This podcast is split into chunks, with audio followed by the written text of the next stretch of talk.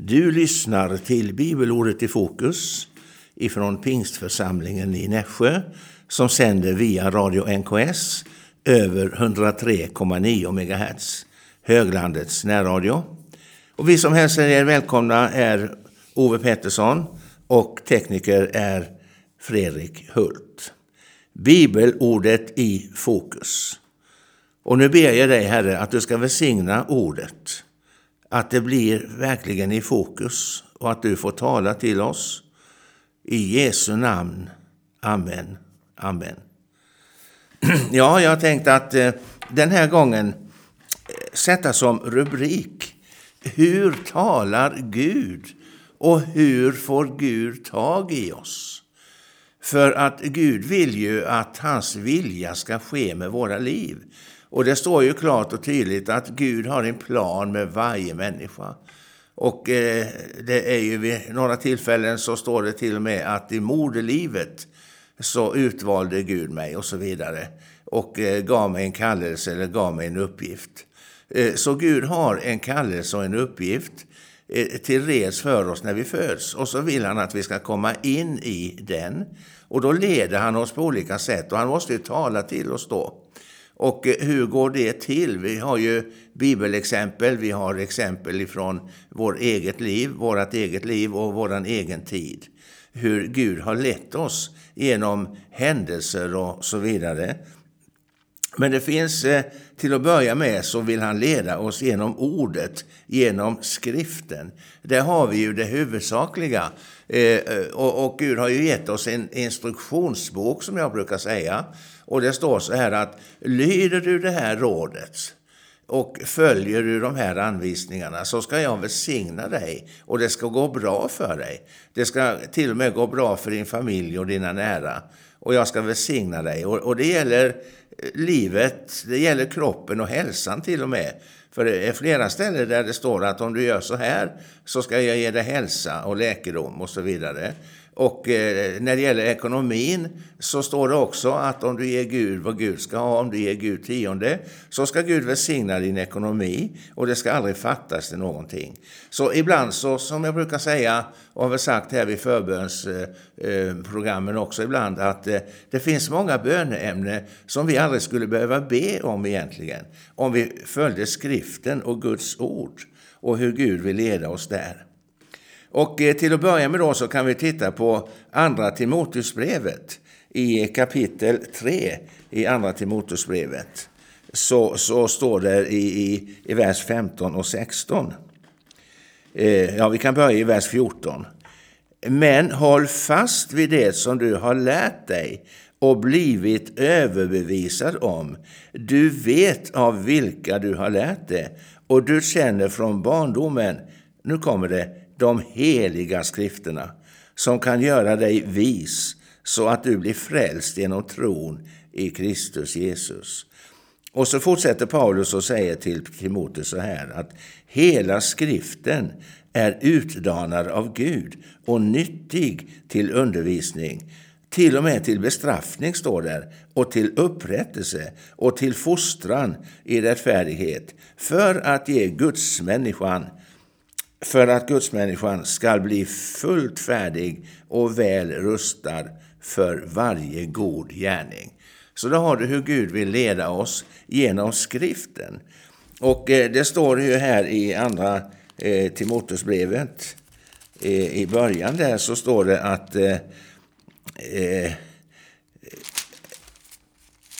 vänder bladen här, så står det att du vet ju av vilka du har lärt dig Eh, det står att eh, i, Andra Timoteusbrevet 1 och vers 5.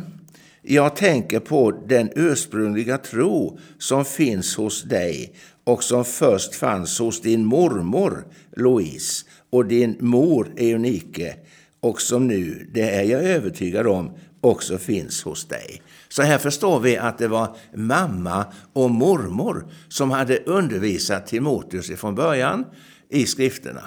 Sedan gav ju Paulus honom undervisning och det var mest det så det var ju det den heliga ande la på Paulus hjärta att han skulle säga till Timoteus.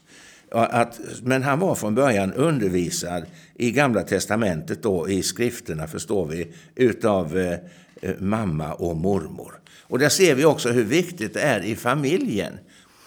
Det var ju för några år sedan så talades det om död åt familjen. Det var ju politiker till och med som gick ut med det. Och det var mycket debatt om, om, omkring det här. Eh, att eh, familjen hade ingen betydelse, men familjen har en väldig betydelse. Och när både manliga och kvinnliga undervisar i familjen och talar om för barn och barnbarn och så vidare hur livet ska levas och hur Gud vill leda oss och tala till oss.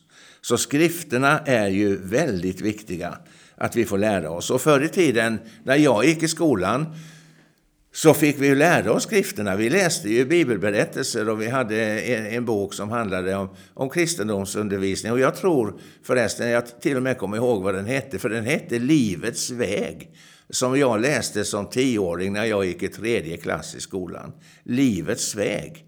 Eh, och det var väl inte alltid som lärarna var frälsta eller kristna eller personligt avgjorda. Men eh, man hade respekt för Guds ord och visste att samhället i stort sett på den tiden var byggt på Guds ord och på skrifterna. Och eh, det är ju inte fel. Naturligtvis så vill vi att människor ska få en personlig relation med Jesus. Och vi talar ofta ibland lite nedsättande om det religiösa som vi säger, men eh, att människor har en respekt för skrifterna och Guds ord och att en, en, en stat och nation och ett samhälle kan ha respekt och följa Guds ord även att man inte är personligt avgjord kristen. Det tror jag Gud ser med välbehag till faktiskt, när man lyder hans ord. Eh, och vi kan titta också på Daniel. Och eh, då slår vi upp i Daniels eh, nionde kapitel. Eh, så står det så här. I Ahasveros son Derajaves första regeringsår. Och så står det ju han som var av medisk släkt och så vidare. Det står mycket om honom. Men då står det, då kom jag, Daniel, att i skrifterna lägga märke till det antal år som enligt Herrens ord till profeten Jeremia skulle fullbordas angående Jerusalems ödeläggelse, nämligen 70 år. Och jag vände då mitt ansikte till Herren Gud med ivrig bön och eh, fasta. Eh, åkallan och fastade i säck och aska. Eh, Daniel la märke till i skrifterna vad Gud hade sagt om framtiden och därmed hur han skulle leva sitt liv och eh, vara ett vittne för sitt folk därför att tiden närmade sig när israelerna skulle bli frigivna. Och om vi tar en parallell till det så är det väldigt viktigt att vi idag i skrifterna lägger märke till tidens händelser och tidens tecken och eh, eh, förstår vad vi är på väg och förstår tiden. Och Jesus sa ju också om det att ni förstår att tyda väder och vind och när ni ser på himlen och så vidare så säger ni att det blir olika väder. Men tidens tecken förstår ni inte att tyda, sa Jesus eh, till eh, judarna vid den tiden.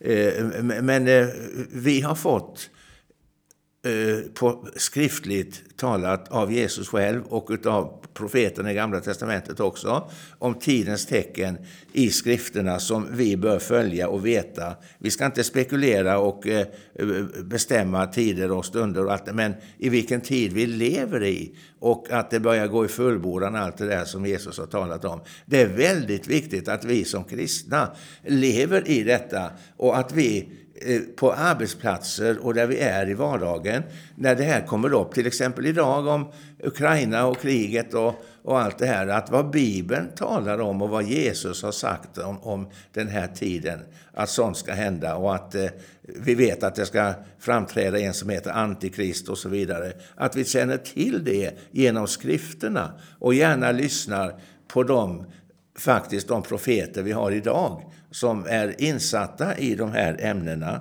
och eh, har skriften som, som ledstjärna och ledtråd.